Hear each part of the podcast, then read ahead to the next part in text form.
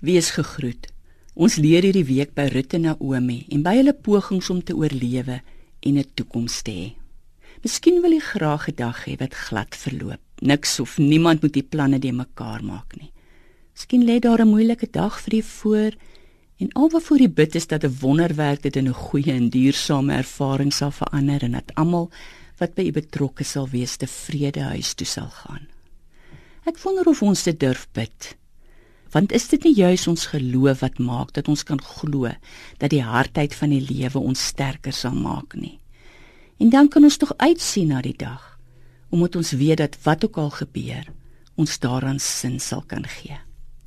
Ek wonder altyd wat die afrikaans vir die engelse woord agency is. Ek kry dit in 'n besondere mate by Rut sy en Naomi is die twee kantlyn vroue toe hulle daar uit Moab in Bethlehem aankom Naomi is bitter en wil op die kantlyn bly. Sy wil nie meer saam speel aan die spel van die lewe nie. Sy het te veel laagvatte en uitklophoue gekry. Maar Rut het agency. Rut beweeg van die kantlyn na die sentrum. Ja, dit is dan seker wat agency beteken om in die sentrum van die lewe te speel. Om aktief aan die lewe deel te neem. Al kom goed of sleg na jou kant toe. En juis weens haar slegte ervarings en verliese word Rut 'n sterk rolspeler in haar gemeenskap.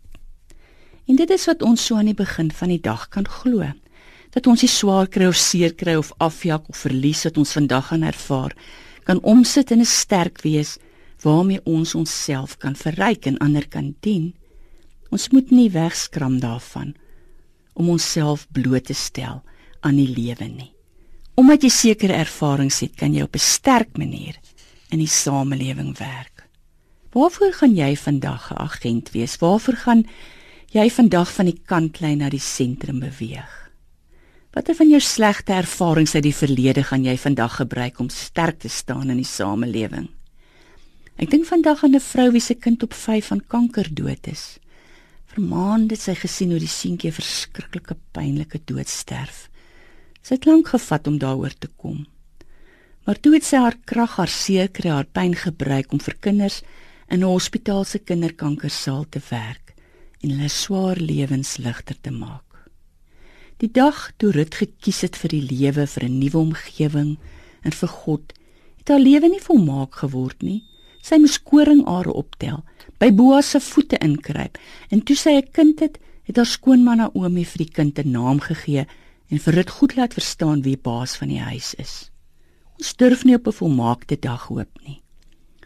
Ons hoop is dat ons leiding sal kry om sterker te word, om verby ons pyn te groei, om verby ons beperkings te groei, om 'n gesonde bydrae tot ons eie en die lewe van ander te maak.